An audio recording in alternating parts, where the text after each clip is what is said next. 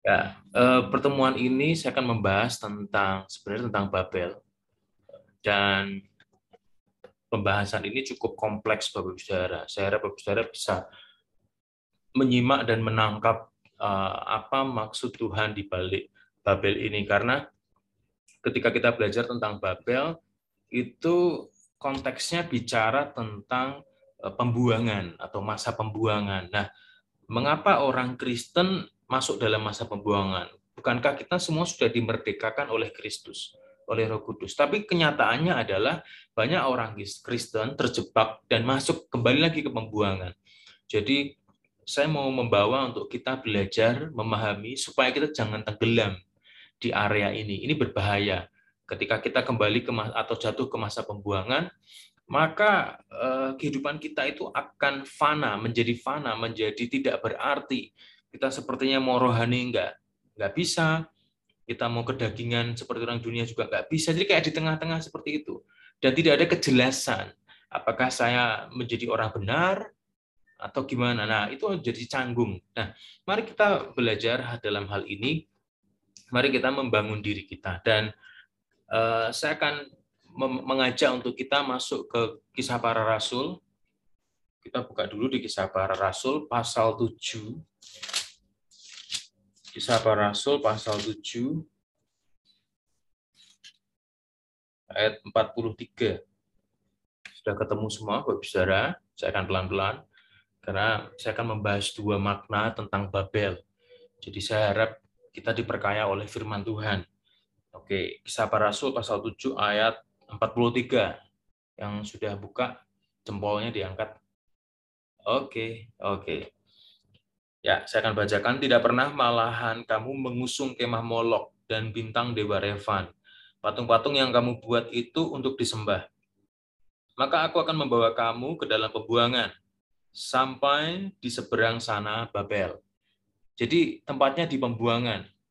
Orang-orang yang tidak bertobat, orang-orang Kristen sudah terima roh kudus, tapi hidupnya kembali ke kehidupan lama itulah orang-orang yang akan di, dikembalikan ke Babel, dikirim lagi ke Babel. Nah, Babel itu seperti apa sih gitu? Jadi tadi saya sudah sempat sampaikan sedikit bahwa Babel itu eh, sepertinya rohani enggak, kedagingan seperti orang dunia juga enggak, jadi aneh gitu. Nah, ini ini Babel, ini pembuangan gitu. Jadi kita seperti ada di tengah-tengah. Diberkati enggak? Punya uang enggak? Punya. Bisa hidup? Bisa tapi sepertinya mau hidup lebih rohani lagi, lebih cinta Tuhan lagi, itu kok nggak bisa ya? Ada yang menahan. Nah, ketika seseorang masuk kepada pembuangan, yang pertama dia akan merasa seperti itu. Yang kedua, dia akan dibawa Tuhan jauh dari gereja Tuhan. Jauh mendengar suara Tuhan. Loh, bukannya gereja di mana-mana. Iya, dia berada di gereja mana-mana. Tapi dia tidak mendapatkan nutrisi atau makanan rohani yang dibutuhkan oleh hidupnya. Itulah yang terjadi di masa pembuangan. Nah, Babel itu sendiri bagaimana? Babel itu adalah kalau kita baca di kitab Daniel, orang-orang dari Israel, orang-orang yang pintar, orang-orang yang berintelektual, punya potensi, mereka ditarik, mereka diambil lalu ditempatkan di Babel. Babel itu adalah sistem dunia, Bapak Ibu Saudara. Jadi kalau Bapak Ibu Saudara tiba-tiba karena bukan tiba-tiba lagi ya, tapi karena sebuah rentetan kejadian tidak adanya pertobatan dan buah dalam hidup kita, buah dari firman, buah dari pekerjaan Roh Kudus, maka kita dibawa ke Babel. Nah, Babel itu adalah tempat pembentukan. Tidak ada orang bodoh. Orang Israel yang yang nggak yang nggak bisa nulis, nggak bisa baca, nggak ditarik orang oleh orang Babel. Jadi Babel itu sebenarnya sistem dunia yang kepingin yang atau yang sangat ingin sama seperti sistemnya Tuhan. Babel itu di dalam perjanjian lama itu menjelaskan bahwa ini adalah kerajaan yang menginginkan semua orang-orang cendikiawan orang Israel itu ada di tempatnya. Supaya apa? Supaya membangun kerajaannya itu kokoh seperti orang Israel. Nah, itu sistem dunia yang mengadopsi apa yang Tuhan mau. Jadi sumber daya kita, tenaga kita, waktu kita akan ditarik oleh orang-orang Babel. Nah, saya rindu anak-anak Tuhan itu tidak terjebak di sistem dunia, Bapak Ibu Saudara. Hidup tidak hanya untuk uang, hidup tidak hanya untuk jabatan, atau hidup tidak hanya untuk kenyamanan kita saja, tetapi ada pekerjaan Tuhan yang harus kita lakukan. Nah, saya rindu setiap kita memahami porsi ini dulu. Saya akan beritahukan tentang Babel ini dulu. Karena ketika anak-anak Tuhan ada di sistem dunia, maka Tuhan tidak bisa bekerja lebih. Karena apa yang dikerjakannya akan didistribusikan atau disalurkan kepada dunia. Dan Tuhan tidak mau hal itu. Jadi Tuhan bisa dibilang tidak memberkati orang-orang yang ada di pembuangan. Karena apa? Karena mereka pakai sistem dunia. Misal, eh, anak-anak kerja nih, ada orang kerja atau anak kita kerja, lalu dia bekerja itu hanya berdasarkan eh, sistem dunia yang artinya begini. Misal berangkat jam 7, pulang jam 7 atau pulang jam 9. Gitu terus. Dia ada di lingkaran kegagalan itu namanya. Di lingkaran maut. Apa yang dia lakukan hanya sesuai dengan sistem dunia. Dia memberikan tenaganya, waktunya. Pekerjaannya bagus-bagus. Tetapi itu sebatas hanya kemampuan. Itu bukan berkat karena kalau kita ada di sistemnya Tuhan, kita kerja itu yang diandalkan anugerah, bukan kemampuan kita. Ada orang, Alkitab kan menjelaskan ya, eh, Yesus beri perumpamaan. Ada orang kerja dari jam 7 sampai jam 4, upahnya sekian dinar, misal 3 dinar upahnya. Lalu ada orang kerja jam 12 sampai jam 4, upahnya sama 3 dinar. Lalu ada orang kerja dari jam 3 sampai jam 4, upahnya sama 3 dinar. Enak yang mana? yang naik jam 3 sampai jam 4. Tapi ingat bahwa itu adalah kasih Tuhan, itu anugerah Tuhan. Nah, orang yang hidup di dalam sistem dunia itu terima anugerah itu, Bapak Ibu. Nah, hari-hari ini mari kita belajar supaya kita tidak masuk ke masa pembuangan Babel. Karena ketika kita masuk ke masa pembuangan, lalu tidak punya mentor rohani yang benar, maka kita akan menjadi Babel-Babel di kitab Wahyu. Siapa itu Babel di kitab Wahyu? itu adalah pelacur. Nah, nanti saya akan bahas sampai di situ. Kita harus waspada akan hal ini. Saya tidak tahu. Tadi saya waktu belajar, saya bertanya kepada diri saya sendiri, kenapa ya Tuhan mau singkapkan hal ini? Apa yang mau Tuhan bangun di dalam kehidupan jemaat Tuhan atau umat Tuhan yang mendengar firman ini? Karena ketika kita jatuh dan kembali kepada kehidupan pola lama, maka kerajaan Babel itu membuka tangannya untuk menerima kita. Nah, ini bahaya. Ini bahaya sekali. Nah, mari kita buka di kitab Wahyu, tadi saya sudah jelaskan, kitab Wahyu pasal 17 ayat 5. Saya akan jelaskan. Ketika kita terjebak di sini, maka gereja Tuhan, jemaat Tuhan itu menjadi bagian dari pelacur. Wahyu pasal 17 ayat 5. Pelacur yang saya maksud bukan pelacur secara jasmaniah ya, bukan, tapi secara rohani. Yang seperti apa? Seperti di ayat 5. Tapi saya mau baca mulai ayat 4 ya. Wahyu pasal 17 ayat 4 dan 5 dan perempuan itu memakai kain ungu dan kain kirmisi yang dihiasi dengan emas, permata dan mutiara dan di tangannya ada suatu cawan emas penuh dengan segala kekejian dan kenajisan percabulannya. Dan pada dahinya ini pada dahi perempuan itu tertulis suatu nama, suatu rahasia Babel besar, ibu dari wanita-wanita pelacur, dan dari kekejian bumi. Siapa perempuan ini? Perempuan di dalam Alkitab itu diidentikan dengan gereja atau dimaknakan sebagai gereja Tuhan.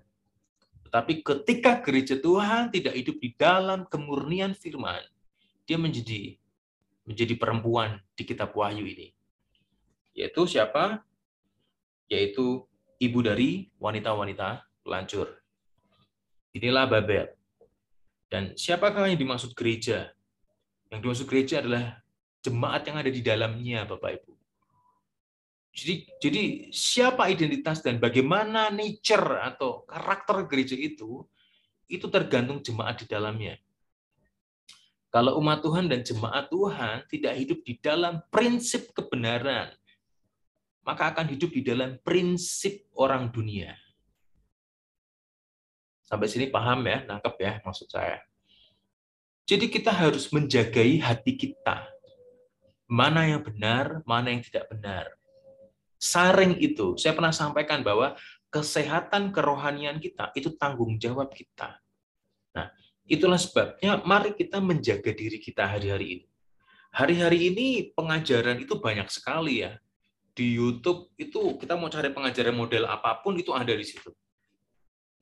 Mau yang enak-enak, banyak ketawa-ketawanya, atau banyak yang kiasan-kiasan atau dan sebagainya kita bisa temukan itu. Tetapi ingat Bapak Ibu Saudara, Alkitab sudah mencatat bahwa kebanyakan orang di akhir zaman akan mencondongkan telinganya dengan apa yang mereka sukai. Bahasa terjemahan saya pribadi seperti itu.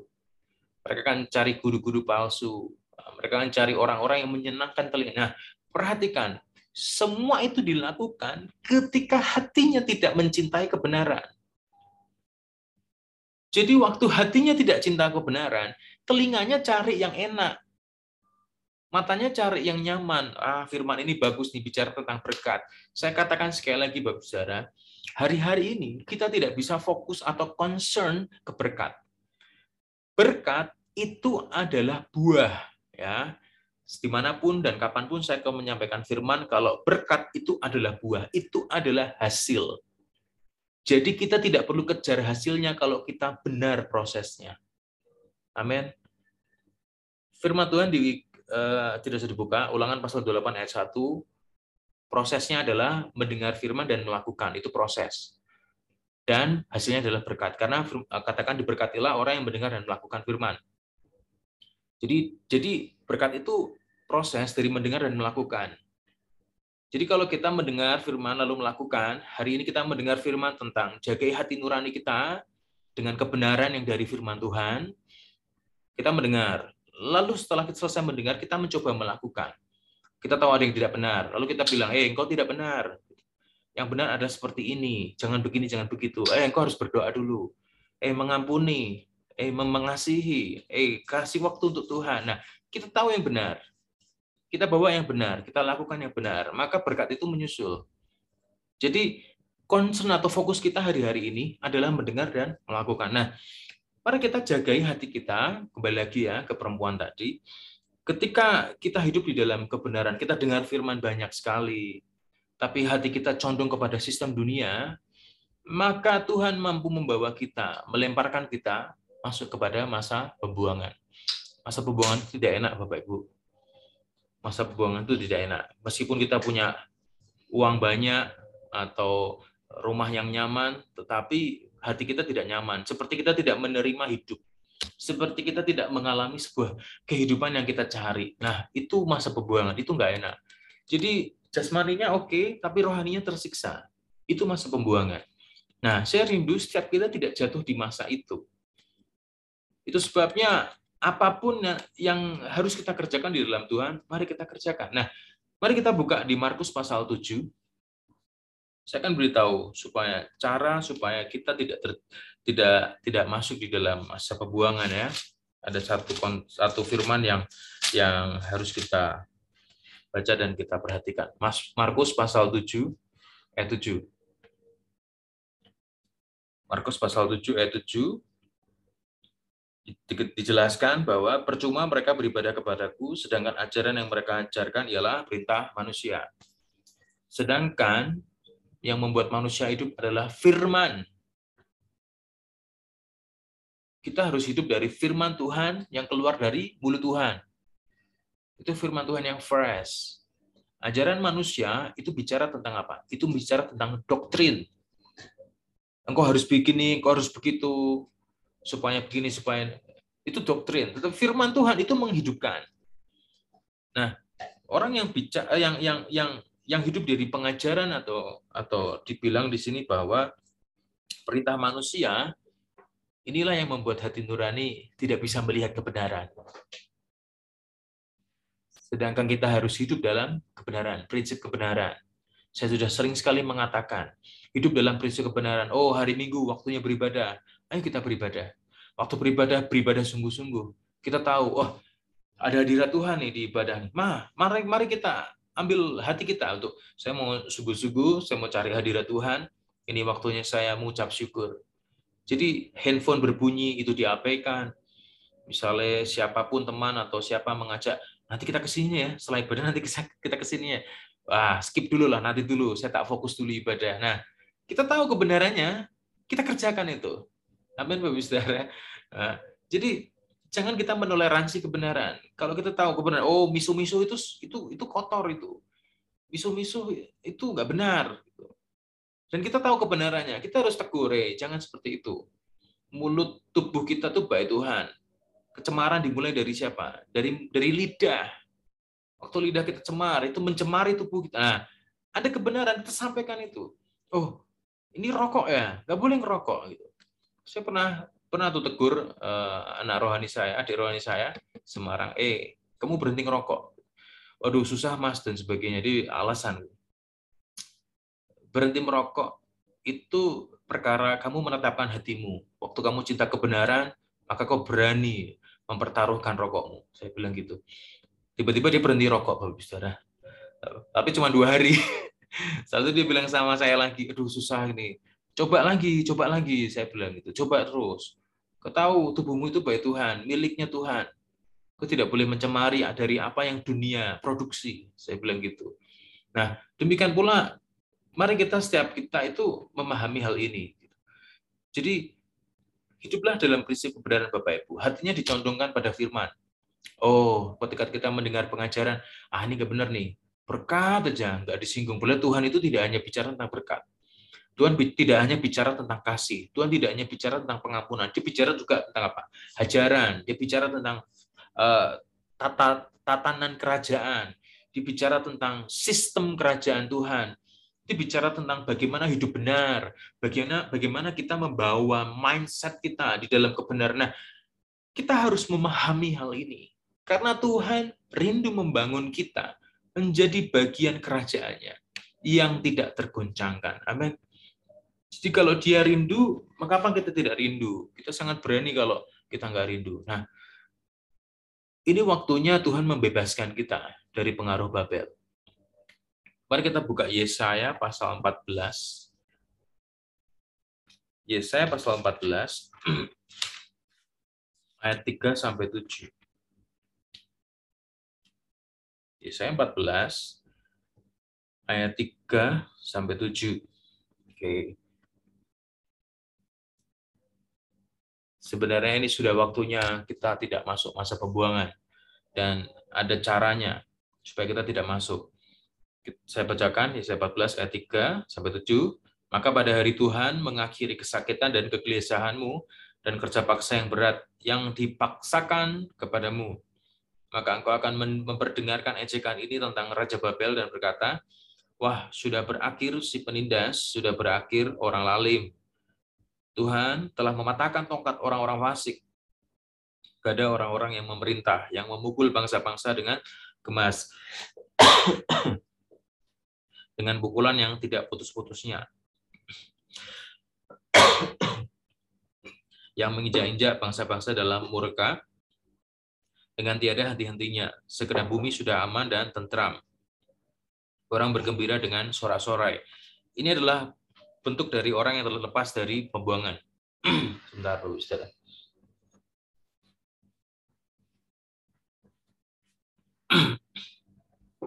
Ini adalah kehidupan orang yang terlepas dari masa pembuangan. Dia tidak lagi hidup di dalam sistem dunia.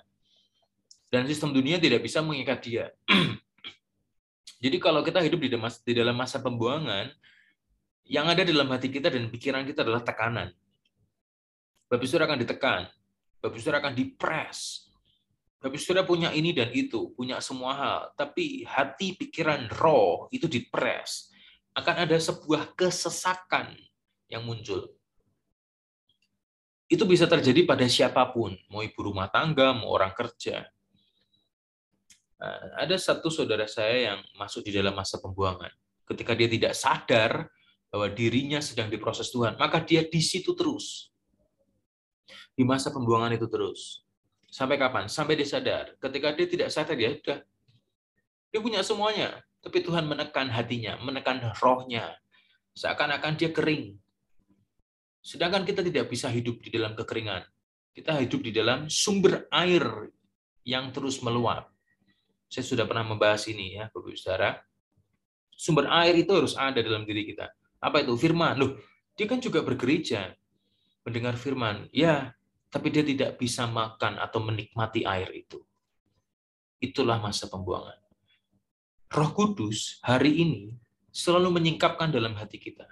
Ketika kita mendengar firman, lalu muncul gairah, wah, aku harus seperti itu, aku tidak boleh seperti ini. Aku lalu kita mendengar firman, bergairah. Waktu kita melihat yang tidak benar, ada kegairahan untuk apa? Untuk meluruskan. Nah, itu adalah air mata air di dalam diri kita, Bapak. Wah, ini firman keluar terus. Ada perkara apa? Keluarnya firman. Kita tidak hidup di dalam masa pembuangan. Amin. Karena Tuhan akan membangun kita menjadi pribadi yang merdeka. Nah, kalau kita baca, kita mundur sedikit ya, di Yesaya pasal 13, Yesaya 13 ayat 4 sampai 5. Ini adalah cara supaya kita keluar dari masa pembuangan. Supaya kita tidak terjebak atau tidak tenggelam dalam masa pembuangan. Yesaya 13 ayat 4 sampai 5. Oke, sudah ketemu semua ya. Ada suara keramaian di atas gunung-gunung, seperti suara kumpulan orang yang besar jumlahnya. Suara kegaduhan dari kerajaan-kerajaan, dari bangsa-bangsa yang berkumpul. Tuhan semesta alam sedang memeriksa pasukan perang. Mereka datang dari negeri yang jauh, ya dari ujung langit, yaitu Tuhan serta melaksanakan amarahnya untuk merusakkan seluruh bumi. Di mana tempat kita berkumpul? Di tempat Tuhan. Ketika kita ada di hadiratnya, itu adalah tempat Tuhan, Bapak Ibu. Penyembahan kita di dalam berbahasa roh, itulah bukti keramaian. Itu tempat panji-panji Tuhan ditancapkan.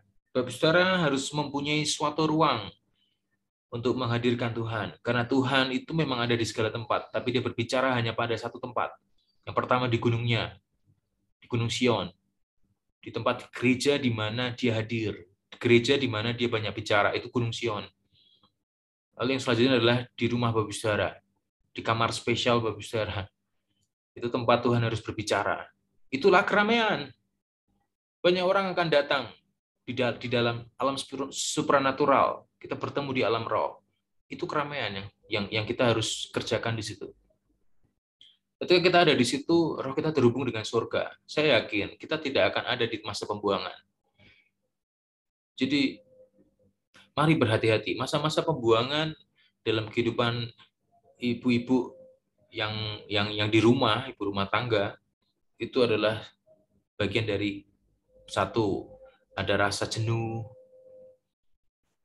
Misal sudah sudah pergi ke mana, liburan ke mana, masih aja jenuh, nggak tenang. Bahasa sekarang tuh healing ya. Sudah healing ke sana sini, tapi masih nggak tenang. Ya, makan sudah bisa semua bisa dibeli untuk dimakan, masih nggak tenang. Nikmatin duren dari montong sampai apalagi itu ya, musang atau dinosaurus atau brontosaurus.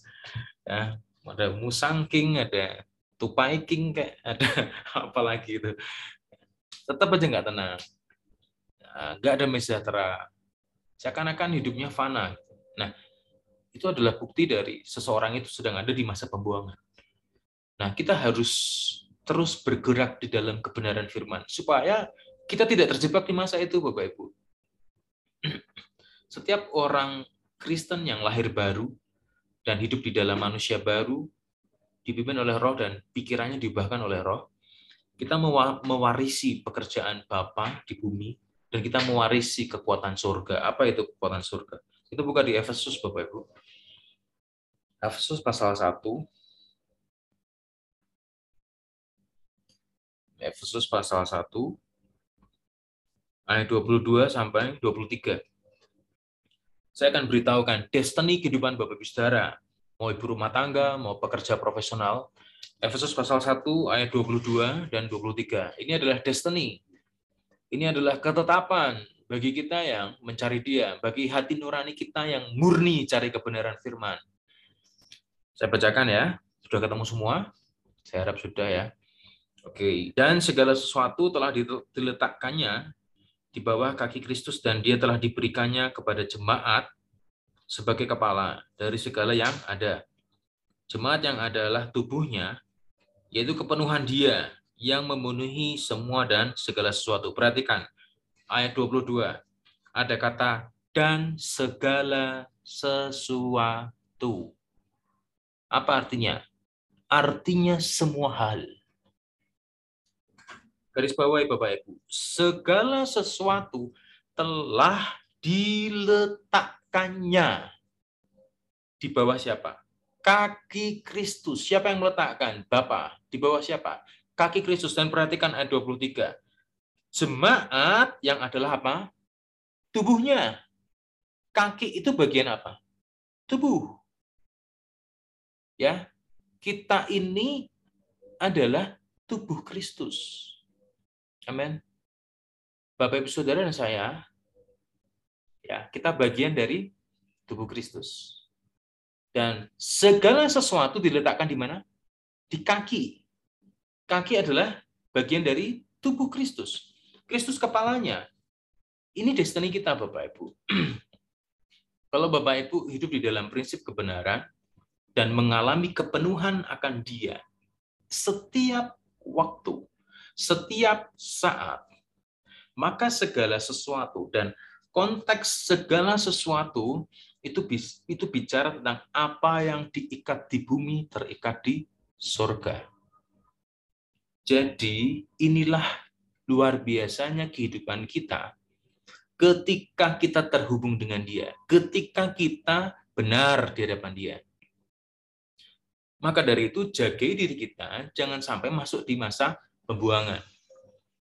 Itulah sebabnya tadi saya katakan Tuhan mau bicara apa ini, Tuhan mau proses apa, sehingga dia sampaikan ini. Karena begini Bapak Ibu, pola Tuhan adalah Tuhan tidak mungkin tegur kita, hajar kita kalau kita nggak tahu.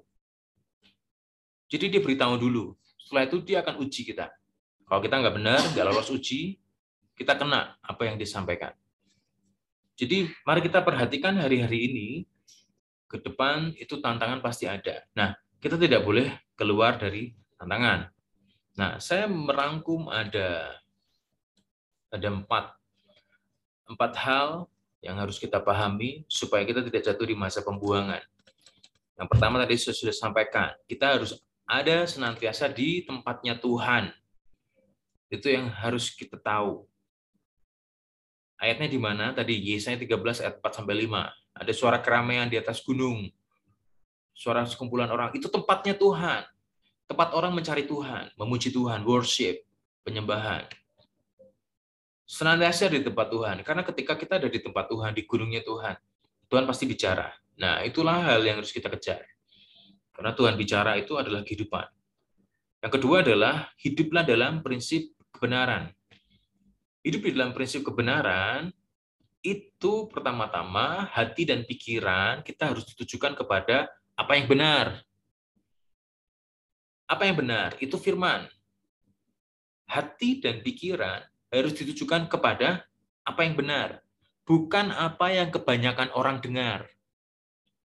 Berbeda ya Bapak Ibu. Waktu kita menunjukkan hati dan pikiran kita kepada yang benar, itu firman. Tetapi apa yang kebanyakan orang dengar, itu belum tentu firman. Misal orang menjelaskan tentang berkat, tentang hypergrace. Hypergrace itu begini, eh, pernyataan yang begini, oh kita sudah ditebus Kristus, jadi kita sudah diselamatkan. Jadi kalau kita masih berbuat dosa, masih nggak apa-apa lah. Nah, itu hypergrace. Sepertinya benar, tapi itu bukan kebenaran. Itu adalah apa yang sering orang dengar. kita tidak hidup dengan apa yang sering orang dengar, tapi kita hidup dengan apa yang benar. Amin. Kita tidak bisa hidup dengan apa yang banyak orang dengar, karena apa yang banyak orang dengar adalah apa yang mereka sukai. Sedangkan kebenaran tidak semua orang suka. Siapa itu kebenaran? Kristus. Yesus waktu ada di bumi, ahli Taurat dan orang Farisi menentang dia. Bahkan mereka tidak percaya bahwa itu adalah Mesias. Sedangkan dialah kebenaran itu sendiri. Sampai akhirnya ketika dia mati dan bangkit, kebenaran itu terungkap. Kebenaran itu terungkap. Jadi kebenaran itu akan terus bekerja meskipun waktu tidak mendukung kebenaran itu. Tapi pada waktunya nanti, kebenaran itu akan tersingkap. Jadi kalau kita hidup di dalam kebenaran, orang akan mencemooh kita. Tetapi ingatlah Bapak Ibu mari kita hidup di dalam ketahanan, endure. Karena kebenaran akan muncul. Nah, poin kedua itu. Poin ketiga adalah mengerjakan apa yang Roh Kudus katakan.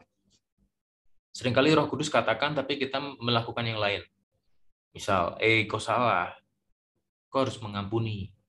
Atau minta maaf lah. Roh Kudus sudah kasih sinyal di hati kita. Aduh, saya nggak enak nih, saya harus minta maaf. Tapi kita, ah enggak lah, gengsi lah. Masa gua dulu yang minta maaf? Nah, itu adalah perkara simpel, tetapi membuat rentetan kehidupan kita jadi kacau, Bapak Ibu. Karena garis garis miring itu dimulai dari garis garis miring kecil, bukan garis miring besar ya. Maka sebabnya kalau eh, kita saya waktu itu apa namanya pernah coba ada di bangun-bangun begitu ada tali sipat ya ada tali yang buat ngukur. Jadi kalau dari atas ke bawah apa sih lurus tuh? Nggak mungkin tali itu miring kalau gravitasi. Ya tali apalah itu Mary paling tahu. Lot ya gitu. Nah Mari kita pahami. Jadi waktu Roh Kudus berbicara di hati kita, dia akan menjelaskan hal yang kecil. Dan perhatikan Bapak Ibu. Roh Kudus tidak mungkin menyingkapkan di dalam pewahyuan jika kita sudah mengetahui apa yang harus kita lakukan. Sekali lagi saya ingatkan, Tuhan atau Roh Kudus tidak mungkin berbicara melalui pewahyuan kalau kita sudah tahu apa yang harus dilakukan atau diperbaiki. Misal, saya sadar nih, saya pernah mencuri dan itu salah, misalnya.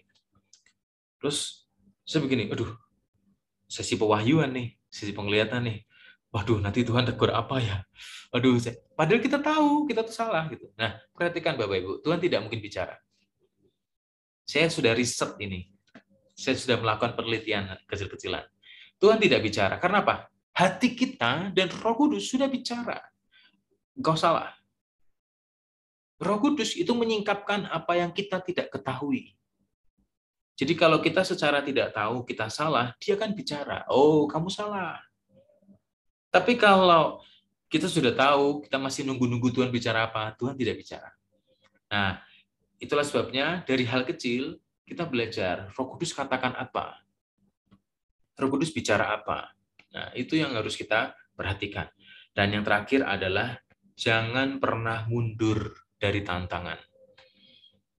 Saya pernah sampaikan dan saya pernah bagikan bahwa tantangan itu adalah hal yang terjadi di luar kesalahan kita. Sedangkan kalau sesuatu terjadi dan itu berasal dari kita, itu disebut masalah. Misalnya contoh seperti ini.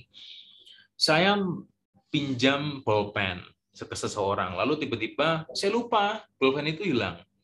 Pulpen itu saya taruh di mana itu hilang. Lalu orang itu marah-marah ke saya. Itu bukan tantangan. Itu masalah namanya. Karena saya yang menciptakan sendiri. Kalau tiba-tiba saya tidak pinjam bolpen, lalu orang marah-marah ke saya, itu tantangan. Apakah saya bisa menahan diri saya untuk tidak balik mengata-ngatakan orang itu? Nah, Bapak Ibu Saudara, yang saya tekankan adalah kita harus hidup benar meskipun tantangan datang ke dalam hidup kita. Selama itu bukan masalah, Bapak Ibu Saudara bisa menang hal itu. Tapi kalau itu masalah, Ibu Saudara harus merendahkan hati. Kalau salah ya bilang aja, maaf saya salah. Saya minta maaf, begini-begini. Dengan dengan sikap berwibawa, saya yang salah. Itu kalau memang salah. Kalau kita benar, lalu ada masalah terjadi, ya, itu tantangan namanya. Nah, kita tidak boleh mundur. Misal contoh seperti ini uh, misal contohnya hmm, kita tahu bahwa kalau di tempat umum tuh harus mengantri. Lalu ada orang nyerobot nih, lalu kita tegur, eh jangan nyerobot dong, antri dong. Itu kan nggak benar kalau nyerobot, kasihan dong yang sudah antri. Terus dia marah-marah, duh, ibu kok ini? Nah, gimana kita? Itu tantangan Bapak Ibu. Jadi itu bukan masalah, itu tantangan. Kita tahu yang benar nih, kita tegur dia. Nah, lalu orangnya responnya kurang baik, itu tantangan. Bagaimana kita menguasai diri di dalam kebenaran? Nah, itu tantangan. Kita punya prinsip, prinsip ini kebenaran, dan kita nggak boleh lepas dari itu. Nah, mari Bapak Saudara, waktu kita melakukan hal-hal kecil dalam hidup kita yang di situ sesuai kebenaran, Tuhan Tuhan akan membawa kita menjadi benar. Mengapa orang disebut benar? Karena dalam hidupnya itu ada kebenaran lepas kebenaran yang dia lakukan. Nah, mari dalam hal ini saya rindu kebenaran yang dari firman itu membuat kita jauh dari pembuangan. Amin. Supaya tidak ada pekerjaan Tuhan yang delay. Tadi saya sudah jelaskan, Efesus pasal 1 itu sangat luar biasa. Garis bawahi, segala sesuatu itu diletakkan di bawah kakinya. Kaki Kristus. Jadi ini yang membuat orang-orang Kristen mengalami terobosan. Ketika dia tahu siapa dirinya dan bagaimana kuasa Tuhan menyertai dia. Nah, jadi saya rindu setiap kita memahami hal ini, menjadi pribadi yang berbeda dan luar biasa. Kita tidak sama dengan dunia. Amin, Bapak Saudara. Jadi jangan kita membawa diri kita itu malah sama dengan dunia atau bahkan melakukan yang dunia kerjakan. Kita berbeda dari dunia. Kita tidak melakukan sistem dunia. Amin. Kita tidak hidup di dalam pembuangan. Dan jangan sampai kita hidup di dalam pembuangan. Karena itu sangat menyesakkan hidup kita. Jadi saya rindu setiap kita mulai memahami bahwa Tuhan sangat merindukan keberadaan kita yang selalu meningkat, selalu apa ya, next level. Datang ke hadirat Tuhan, sembah Dia dengan sempurna, dengan kerinduan hati, sikap tubuh, pikiran kita, tidak dengan setengah hati. Mari kita bawa itu, karena Tuhan mencintai keramaian, Tuhan mencintai penyembahan mau di rumah masing-masing, mau di eh, gereja atau berkelompok gitu. Nah, dia mau namanya diserukan dengan luar biasa, dengan hati yang yang all out bahasa Inggrisnya ya atau dengan sepenuh hati. Jadi mari kita bawa itu. Karena inilah waktu-waktunya Tuhan membebaskan kita dari masa pembuangan. Dia tidak mau kita menunda-nunda pekerjaan, segala suatu pekerjaan yang dia telah tetapkan. Jadi saya rindu setiap kita boleh naik level di dalam level kerohanian yang baru sehingga kita tidak jadi orang Kristen pada umumnya Bapak Ibu. Yang dikatakan pada umumnya itu sering kali biasa-biasa karena pada umumnya. Tapi yang luar biasa itu pasti punya keistimewaan khusus. Nah, saya rindu setiap kita punya keistimewaan khusus ini. Dalam artian segala sesuatu yang diletakkan di bawah kaki Kristus. Siapa kaki itu? Kita. Amin. Puji Tuhan, Tuhan Yesus memberkati.